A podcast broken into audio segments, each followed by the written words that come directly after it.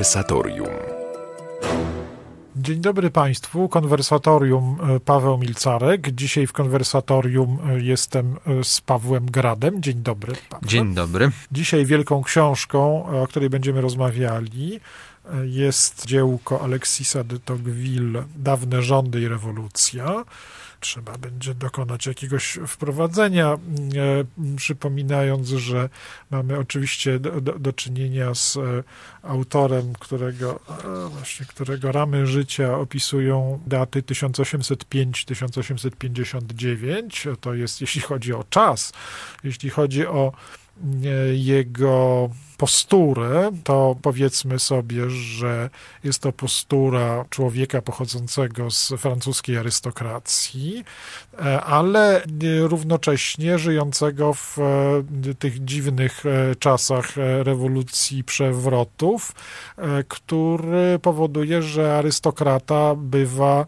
także uczestnikiem demokratycznego, konstytucyjnego życia politycznego. I tu w tym wypadku Alexis de Tocqueville jest dla nas z jednej strony znany jako autor przede wszystkim pewnie dzieła o demokracji w Ameryce. Potężnego. Potężnego. Nie tylko swoim znaczeniem, ale też rozmiarami, bo akurat Dawny Ustrój, czy też Dawne Rządy i Rewolucja jest relatywnie krótką książką. No, Dawne Rządy i Rewolucja, o której będziemy mówili, jest książką niedokończoną i jest książką, która była pisana no, trochę w takim atmosferze przymusowego urlopu, to znaczy w sytuacji, w której autor wypadł na margines e, e, życia politycznego, trochę w związku ze swoją nieugiętą postawą e, wobec Ludwika Bonapartego, którego nasz bohater nie, bardzo chciał widzieć w, na, na, czele państwa francuskiego. I jak to nieraz w historii bywa, mamy tu do czynienia z myślicielem, który gdy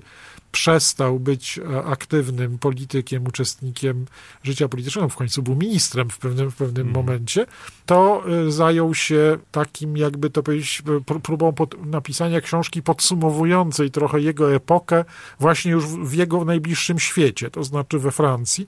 I tego dziełka nie dokończył. Właśnie dlatego bardziej e, chyba o nim pamiętamy z racji tej jego podróży do Ameryki i podsumowania tego, czym jest demokracja wzorcowa, bo on mhm. rozumiał, że demokracją wzorcową jest ta amerykańska. Myśmy no, na bok odsunęli to wielkie dzieło i zajmiemy się tym troszkę mniejszym. A dlaczego właściwie? Ja bym cię zapytała, dlaczego właściwie mamy e, wybrać z Tocqueville'a akurat to? Ta książka, która, prawdę mówiąc, jak sam powiedziałeś, jest niedokończona, jest książką bardziej o dawnym ustroju niż o y, y, rewolucji tym, co, co po nim. Bo, bo powiedzmy jeszcze, że to, to dziełko zostało tak pomyślane, że miało mm, zadanie, zadanie, które sobie Tocqueville postawił, mm, było y, opisanie rewolucji francuskiej, y, wydarzenia, które on i jego współcześni uważali, mieli świadomość przeżywając to wydarzenie, tak, y, czy powiedzmy jego ojcowie przeżywając to doświadczenie, że jest to wydarzenie epokowe postanowił je opisać jako wynik y, mm, bardzo długiego procesu historycznego, czy umieścić je w kontekście, czyli jakby trochę pokazać, że ta rewolucja to nie jest po prostu jakiś nagły wstrząs, który się przydarzył, tylko wynik wynik działań ludzi i ta książka, tak na razie odpowiadając jeszcze na, na, na to twoje mm, pytanie, dlaczego akurat ta, no to jest, mi się wydaje, że po prostu jedna z pierwszych, a w związku z tym też kanoniczna książka o tym, czym jest nowoczesność. Tak? Znaczy, na, na czym polega ta epoka, w której żyjemy, które której jedną y, z dat początkowych, które się przyjmuje, jest właśnie ta rewolucja, y, o której pisze y, Tocqueville. No i Tocqueville jest tutaj autorem kanonicznym, po prostu dla rozumienia naszej epoki, a poza tym jest też, można być prekursorem, tak? Znaczy prekursorem socjologii, tak bym to, to określił, socjologii historycznej, bo to jest autor który wprawdzie pracował jeszcze w taki sposób, jak pracowali dawniej uczeni, znaczy był takim kimś, kto z racji swojego mm, przede wszystkim statusu materialnego, majątkowego mógł sobie pozwolić na to, jak sam powiedziałeś, w, przynajmniej w pewnych okresach, żeby zająć się pisarstwem i, i myśleniem. To jeszcze był czas, kiedy nie istniały tak y, bardzo sprecyzowane metody tak, badań socjologicznych czy historycznych, chociaż y, historycyzm już wtedy się rodził. No a Tocqueville z wielką pieczołowitością, bo opierając się nie tylko na wspomnieniach własnych, czy jakiejś wolnej refleksji, ale sięgając do źródeł, opierając się na archiwach, dokumentach, starał się y, właśnie y, zjawisko rewolucji opisać. Więc to jest nie tylko, no właśnie, myślę, jedna z pierwszych wielkich książek y, o naszej epoce, ale też w ogóle jedna z pierwszych książek, może powiedziałem tak, socjologicznych. I to są dwa powody przynajmniej, dla których myślę, że warto do tego klasyka y, wracać. Nie jest to książka, jakbyśmy powiedzieli, z e, takim e, westchnieniem e, książka historiozoficzna, prawda? Jest to książka raczej pokazująca mechanizmy, sprężyny to społeczne. Prawda. Chociaż, no. chociaż Tocqueville powiedziałbym, że ma, ma swoją historiozofię, takie powiedzmy elementy. On oczywiście i za to myślę, dlatego ta książka tak dobrze się czyta, że właśnie nie jest to kolejny, a było takich dużo w XIX wieku, traktat historiozofii, gdzie autor po prostu wychodząc od jakichś przyjętych z góry założeń co do kierunku dziejów, opisuje nam, y, jak to wszystkie te fakty, się wydarzyły, y, pasują do tego schematu. Nie, tutaj ten wątek yy, historyzoficzny, czy ta, czy ta teza, tylko powiedzmy tak, z pewną ramą, które on jeszcze rozważania, które mają wartość właściwie autonomiczną, ale jest taki element historiozofii u Tocqueville'a, to jest takie przekonanie o pewnym determinizmie postępów wolności. Że jest taki w dziejach, e, właściwie od początku dziejów e, człowieka, jest taki, jest taki pęd ku, e, ku wolności i ku no, coraz większej egalitaryzacji, czy, czy demokratyzacji właśnie stosunków społecznych. Tocqueville tutaj, można powiedzieć, przyjmuje postawę właśnie pewnego no, determinizmu, uważa, że jest to ruch nieuchronny, on go y, podziwia, jego, jego rozpęd, ale też widzi jego zagrożenie i to jest taki element, powiedziałbym, konserwatywny, tak, w jego, w, jego spojrzeniu. Czyli nie jest to autor, który, powiedziałbym, bezkrytycznie chciałby rzucić ten, w ten nurt historii, który, czy ten wejść w te tryby postępu, które, które nam przed oczami tutaj yy, stawia posługując się jednym z ulubionych wytrychów e, e, naszych czasów, można było powiedzieć, że jest on konserwatywnym liberałem. Tak, tak. tak. Zresztą chyba tak zdaje się już, prawda, ex post, ale te, tak go właśnie określano. Tak, tak. Mamy tutaj roz, rozważania o dziejach naziemnych, nie mamy, nie mamy prowidencjalizmu, nie mamy, nie mamy tych wzlotów, e, które znajdziemy u niektórych z kolei e, doktorów kontrrewolucji, tych nawróconych liberałów i libertynów, którzy stawali się konserwatystami, jak e, Józef de Mestre, ze całym, jakby to powiedzieć, prekursorstwem w rozważaniach.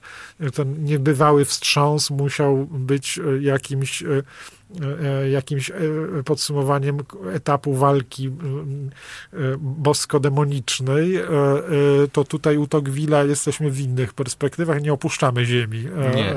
Jesteśmy tutaj Nie, zresztą to też się myślę łączy z tym jego liberalnym właśnie konserwatyzmem. Znaczy, to jest taki, to, to, to jest oczywiście jeden z klasyków, bo też, aha, bo właśnie, powiedzmy, że jest to książka tak się przynajmniej wydaje. Oczywiście nie znam oryginału, ale sądzę, że, że tłumacz, yy, który zapewne był, był świetnym tłumaczem, sam by tak tego nie ułożył. Jest to książka oczywiście bardzo dobrze napisana.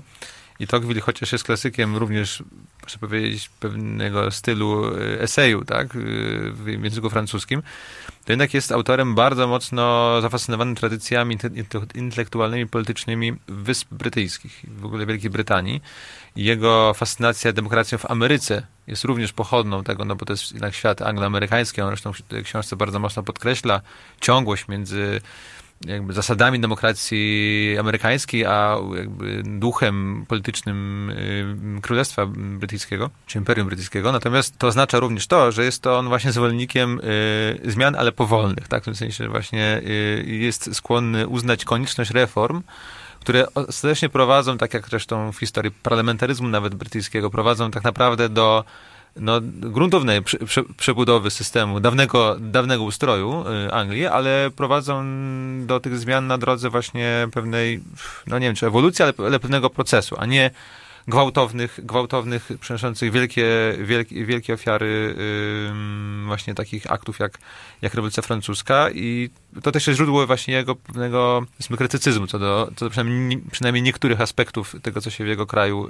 y, działo. Powiedziałeś, jak mi się wydaje y, słusznie, że mamy do czynienia z y, czymś, co nazwiemy klasyką, nie z y, książką, która po prostu opowiada o tym, co myślano tylko w, w pewnym okresie, w pewnym miejscu, ale że wytwarza to pewien sposób e, myślenia i odniesień, to pewnie wypadałoby zwrócić uwagę, że oczywiście jest cały szereg takich tez, takich obserwacji, które do dzisiaj się powtarza w wulgacie, nawet już nie pamiętając, kto pierwszy je sformułował, pewnie na, na czele z tą powtarzaną potem te, tezą, że rewolucje wybuchają nie wtedy, gdy, gdy jakby reżim jest najostrzejszy i najmniej tak. podatny na reformę, tylko wręcz odwrotnie, właśnie wtedy, gdy próbuje się reformować. To jest ten delikatny moment, w którym zwykle rewolucje wybuchają najłatwiej. Takich rzeczy jest więcej, ale to bodaj adagium weszło do takiej najbardziej popularnej, e, popularnego obiegu. Wracamy do naszej rozmowy o y, książce Dawne rządy i rewolucja Alexisa de Tocqueville. Od razu pytam mojego w studiu obecnego rozmówcę, Pawła Grada, co ciebie w tej książce najbardziej zatrzymało? Główny cel, który sobie postawił Tocqueville, czyli wykazanie, że rewolucja francuska nie była, jakby się mogło wydawać, y, jakimś dziełem y, demoniczno-boskim dziełem, które się ex nihilo pojawiło po prostu z y, pośrodku historii i wytworzyło zupełnie nowy ład, tylko że było rzeczywiście wydarzeniem o charakterze przełomowym, ale ten przełom został przygotowany w sposób ukryty tak, przez procesy, które sięgały swoim korzeniem głęboko w tym dawnym ustroju, czy, da, czy w dawnym rządzie, który rewolucja obaliła. Y, rewolucja francuska była takim wydarzeniem, które już kiedy, wtedy, kiedy się działo, to towarzyszyły mu y, próby przedstawiania go jako właśnie takiej y, kreacji nowego świata, tak? Jakby początku zupełnie nowego e, eonu, który zbudowany jest właśnie na zburzeniu wszystkiego tego, od czego chciał się odciąć i to jest myślę w ogóle jakaś taka szersza tendencja, którą Tocqueville nam tutaj y, unacznia, że no, na tym polega właśnie patos, y, patos rewolucji, tak, że ona próbuje się przedstawić jako ona potrzebuje do tego, żeby była skuteczna, żeby ci, którzy je dokonują, byli przekonani, że są właśnie, posiadają pełną moralną legitymizację w ten sposób, że odcinają się od tego, z czym, z czym zrywają. I to jest oczywiście, to bywa prawdą, że te zmiany są właśnie rewolucyjne, ale mm, Tocqueville pokazując w jaki sposób takie zjawiska jak centralizacja władzy, w absolutnej monarchii francuskiej. I w, w, w jaki sposób ona przygotowała całą strukturę aparatu urzędniczego, który potem, w ogóle wzorców zachowania państwa, które zostało potem wykorzystane przez właśnie scentralizowaną, bezwzględną y, y, władzę, y, władzę rewolucyjną. W jaki sposób jednoczesne jakby atomizowanie społeczeństwa i, i wytwarzanie pewnych y, dystynkcji klasowych przy jednoczesnym wzmożeniu aspiracji różnych klas powodowało, że ludzie zaczęli w ogóle wyobrażać sobie taką sytuację, w której mogliby osiągnąć to, co im się należy i wejść, y, jakby obalić te różnice między nimi, że w ten sposób dawny ustrój jakby przygotował ludzi w sposób oczywiście nieświadomy i niezamierzony do tego, żeby mogli w ogóle ten czyn rewolucyjny podjąć. Ja myślę, że oczywiście z tego Tocqueville nie wyciąga takiego, można powiedzieć, uspokajającego wniosku, że w takim razie tak naprawdę Y, ewolucyjność tych zmian jest tylko pozorna i w gruncie rzeczy y, może triumfować jako konserwa- właśnie tego konserwatywna część jego duszy może triumfować, że w gruncie rzeczy nic się nie zmieniło. Nie, to nieprawda. Zmieniło się bardzo dużo i o tym on też pisze. Ale myślę, że to, co jest tutaj właśnie frapujące, co, co jest cenne, co czytelnika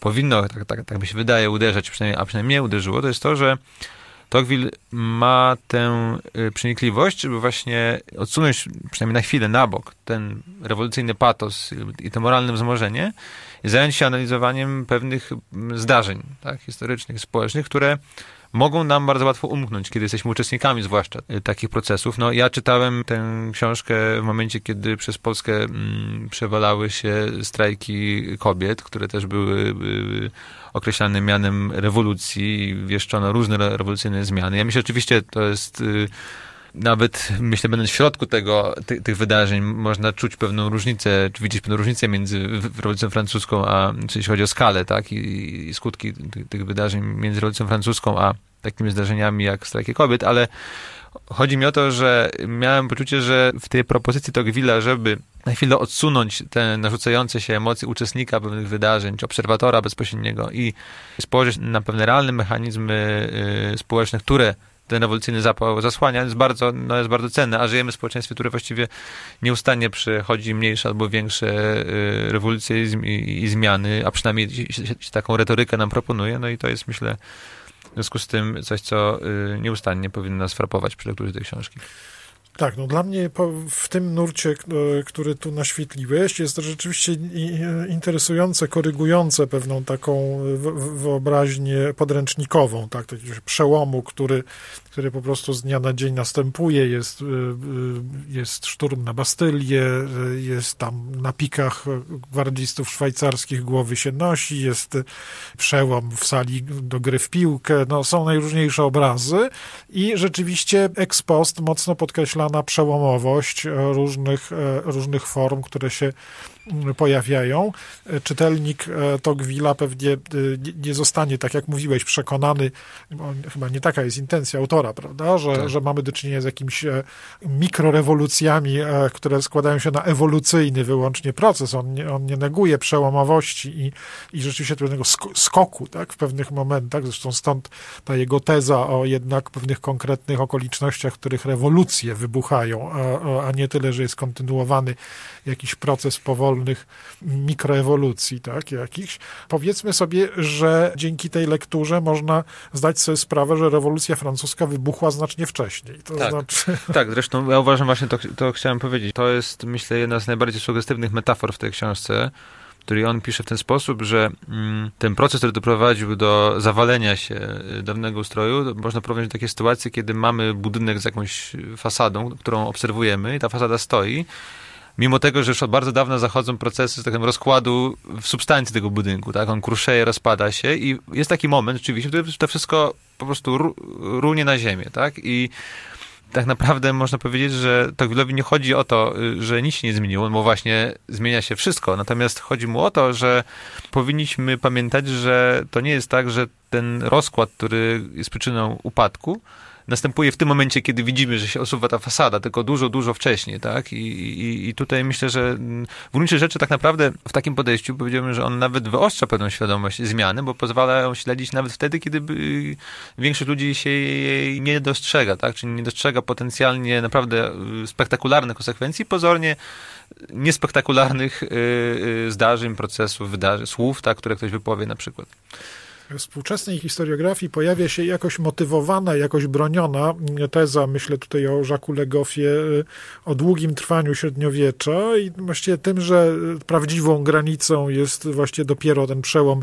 XVIII wieku rewolucji francuskiej. Ta teza nie jest y, wzięta z powietrza, nie jest po prostu fantazyjnym y, głosem wybitnego historyka, tylko rzeczywiście ma swoje, ma swoje uzasadnienia. W, w jakiejś warstwie to długie trwanie jest, jest, jest oczywiste ale rozumiem, że mm, w pewnej analogii moglibyśmy powiedzieć o tym długiej prehistorii rewolucji francuskiej. Tak tylko, czy to, czy, tylko czy z tego wynika, że z myślenia Tocqueville'a wynikałoby, że po prostu z kolei średniowiecze skończyło się znacznie wcześniej? Tak? Mi się wydaje, że tak. To jest w ogóle ciekawe, że y, to o czym mówisz, bo właśnie chciałem to powiedzieć, że chyba Tocqueville'a byłoby na odwrót, w tym sensie, że Oczywiście pytanie, czy on z tak postawioną tezą by się zgodził. Być może tutaj moje sentymenty miłośnika yy, średniowiecza, zwłaszcza tego głębokiego, jakoś mnie skłaniają do takiej nadinterpretacji, ale jest, yy, przynajmniej jeśli mówimy o dawnym stroju rewolucji, to, to faktem jest, że zasadniczą, i to jest ewidentnie w tej powiedziane, tak, zasadniczą sprężyną tych zmian, y, o których Tocqueville pisze, że stworzyły warunki możliwości, tak, pojawienia się rewolucji francuskiej, była polityczna i ekonomiczna centralizacja związana z rozwojem monarchii absolutnej we Francji. I to jest proces, powiedziałbym raczej nowożytny, tak? Czy jakby to nie jest, to oczywiście on się wyłania, no wiadomo, no w historii nigdy nie ma z tych cięć, ale to powiedzmy, jeśli, jeśli mówimy o modelu sprawowania władzy y, takim ściśle, powiedziałbym, kojarzonym się ze średniowieczem, tak, feudalno, opartym na jednak hierarchii feudalnej, w której to hierarchii jednak mimo wszystko władza jest bardziej rozproszona niż w państwie, w którym rządzi absolutny król oraz armia urzędników, którzy mu podlegają na zupełnie innej jakby rodzaju relacji niż, y, niż wasale y, królowi jako najwyższemu seniorowi. W tym sensie myślę, że to Wilby twierdził że właśnie, że, że średniowiecze skończyło się dużo wcześniej. Zresztą jest taki, ja nie pamiętam teraz dokładnie lokalizacji książce, ale jest taki fragment, który on pisząc właśnie o tym rozbudzeniu aspiracji y, różnych klas do tego, żeby wyrównać różnice klasowe. Pisze, odwołuje się do tych zamieszłych czasów, kiedy to stanowe społeczeństwo średniowieczne Francji było całkowicie domknięte i w którym nie było, znaczy nie było tego problemu, bo nie było aspiracji, bo, bo w ogóle nikt, nikt sobie nie wyobrażał, że można by, że ktoś mógł w ogóle by przekroczyć bariery y, stanu, w którym się urodził. I on, to jest ciekawe, że on tam mówi, że no właśnie, że to brzmi trochę jak pochwała tego systemu feudalnego, chociaż dodaje zaraz, że musimy pamiętać, że y, jakkolwiek byśmy widzieli, y, że tamten system bardziej, był bardziej stabilny, nie prowadził do tego typu napięć, no to oczywiście wiadomo, że był niemożliwy do utrzymania z uwagi na ten pęd do y, wolności, demokratyzacji, który on widzi, że, że jest nie, nie, niedostrzegalny. Więc razu jakoś tak powiedzmy relatywizuje tą swoją pochwałę średniowiecza. Ale jest tam, jest tam, jest tam taki fragment. Wracamy do rozmowy o książce Aleksisa de Tocqueville Dawne rządy i rewolucja. Zgodnie z porządkiem e, teraz to ja z kolei mam ujawnić tajemnicę swojej lektury. Mnie w tej książce e, zafrapowało z drugiej strony też e, tak polemicznie, bo nie jest to rzecz, która mnie mhm. zachwyciła, tylko no, zainteresowała. To jest to dość konsekwentnie przez Tocqueville'a prowadzone rozumowanie, że rewolucja francuska, choć jest rozumiana jako uderzenie w religię, to stało się to jakby przypadłościowo, bo religia, e, Kościół we Francji był tak głęboko uwikłany w interesy konkretnej formy rządu cywilnego i e, w interesy stanowe, które były tą formą rządu chronione, że po prostu oberwał. Kościół oberwał od rewolucji niejako przez przypadek. No może nie przez przypadek tak do, do samego końca, ale, ale, ale że to wszystko, co się złego z religią działo i przeciw religii, to był taki moment, to już powiedzmy sobie od siebie, taki, taki moment niezbędnego widocznie e, jakiegoś odczarowania tej całej e, sytuacji, odczarowania tych instytucji, które wydawały się święte, a święte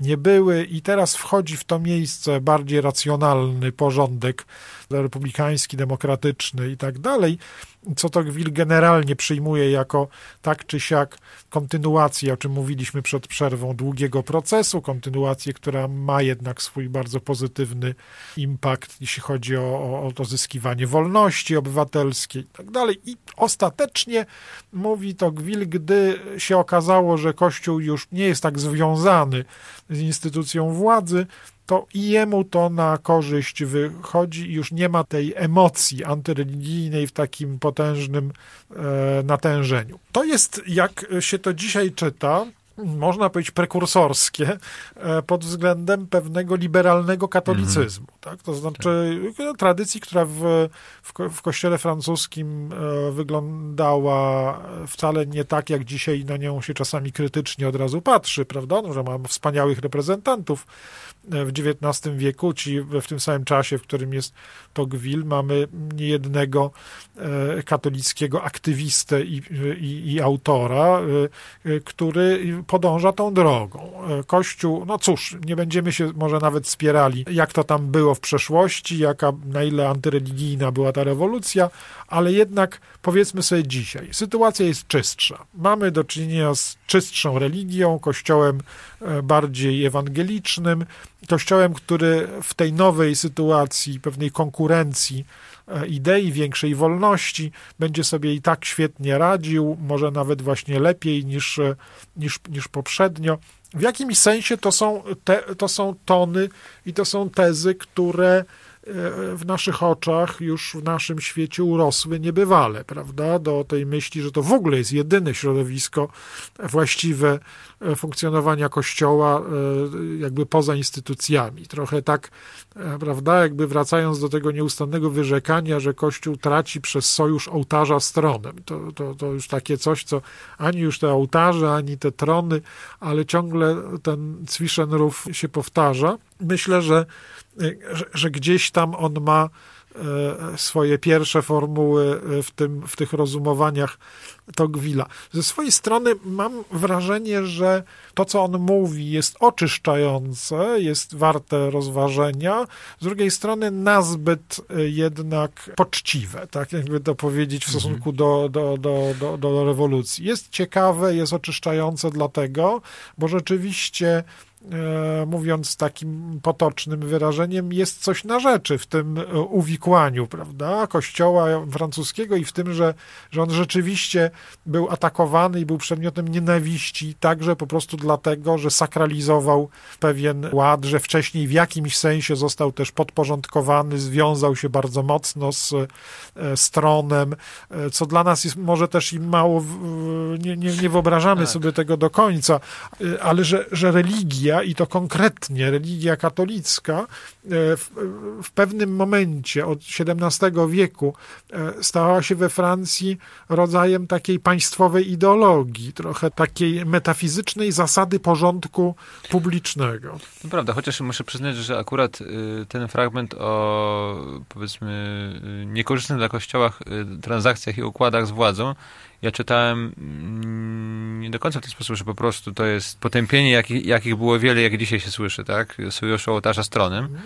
Tylko tak rozumiałem, że Tocqueville twierdzi, że ostatecznie ten mm, porządek okazał się, ten układ okazał się dla Kościoła mm, niekorzystny, bo Kościół na końcu tego, tego układu był stroną o wiele słabszą. Gdyby był równy władzy albo był zwierzchnikiem, tak jak dawniej, to może nawet nie byłoby tak źle, ale w momencie, kiedy stał się klientem, no to mm, oferował, oferował, że tak powiem, wsparcie moralne yy, władzy, nie, nie dostając zbyt wiele, zbyt wiele w zamian, bo, bo, no, no bo ostatecznie yy, ta władza mu jako y, instytucji zajmującej się sprawami nadprzyrodzonymi zdaniem Dogwilla nie mogła wiele zaoferować. Natomiast y, jeśli chodzi o kwestię tego tutaj antycypacji pewnych wątków typowych dla liberalnego katolicyzmu, o których powiedziałeś, tak, mnie, mnie, to też bardzo uderzyło w tej książce. To znaczy, że y, ewidentnie, znaczy, ja bym nawet nie powiedział, że, że to jest poczciwe, że, że to jest zbyt poczciwe. Ja bym powiedział, że po prostu to jest myślenie życzeniowe. Znaczy, ja mam wrażenie, że u Tocqueville'a jest taki mniej więcej, powiedziałbym, tak bym ten, streścił ten schemat, tak, że, że on jest przekonany, że pobożność jest niezbywanym elementem utrzymania pewnego porządku społecznego i z tego powodu uważa bezbożność, już nieważne, czy, czy jakby mającą głębokie przyczyny, czy tylko przypadkowe, ale jednak bezbożność, o którą zauważa rewolucji francuskiej za zło.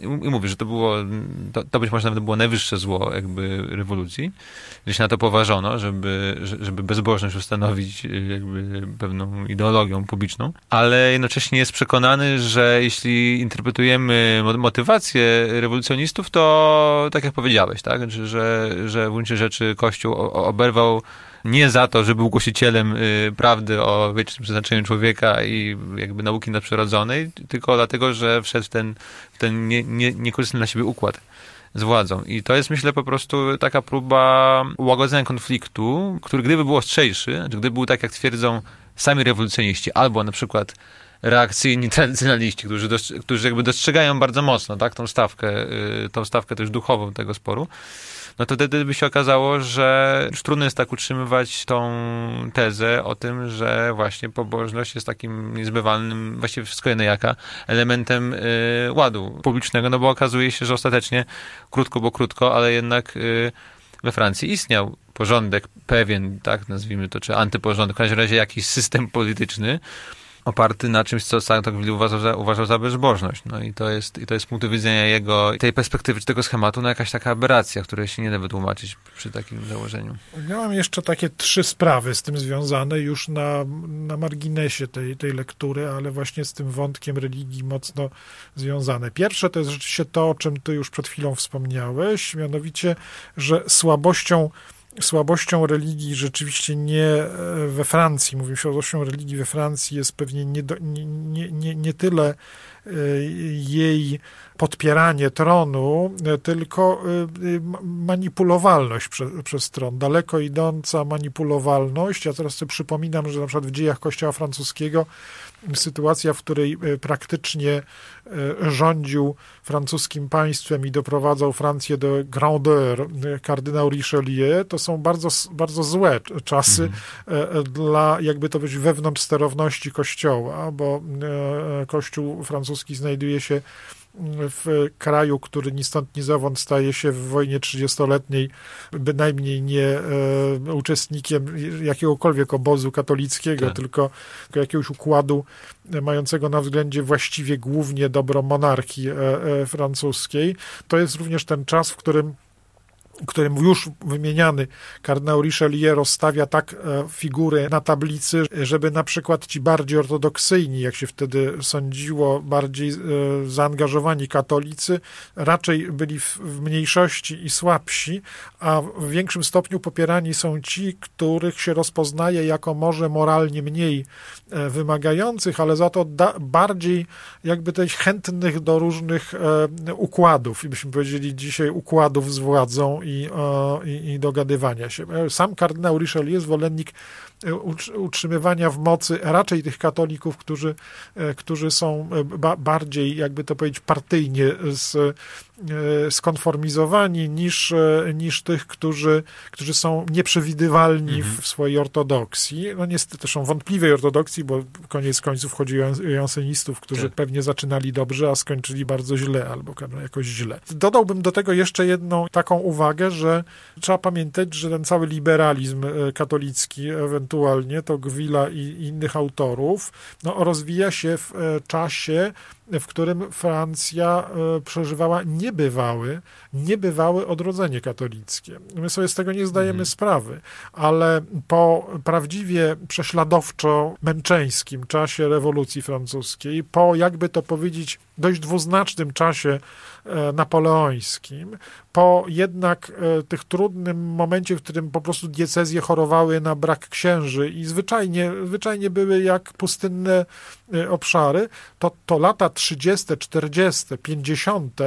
w Francji to jest niebywały moment odrodzenia, takiego szatobriandowskiego odrodzenia katolickiego i wszyscy są zaskoczeni, to mamy świadectwa z epoki, mhm. że jakby to powiedzieć z pokolenia na pokolenie doszło do zmiany, której nikt w roku 1805-1807 nie był w stanie przewidzieć. To swoją drogą ciekawa uwaga dotycząca tego, jak czasami się jest wewnątrz jakichś wydarzeń i przewiduje się to, że tak. jakiś imaginarium tak. i tak dalej, wszystko przepadło, koniec. Tak. Tutaj, tutaj to, to nie jest takie oczywiste.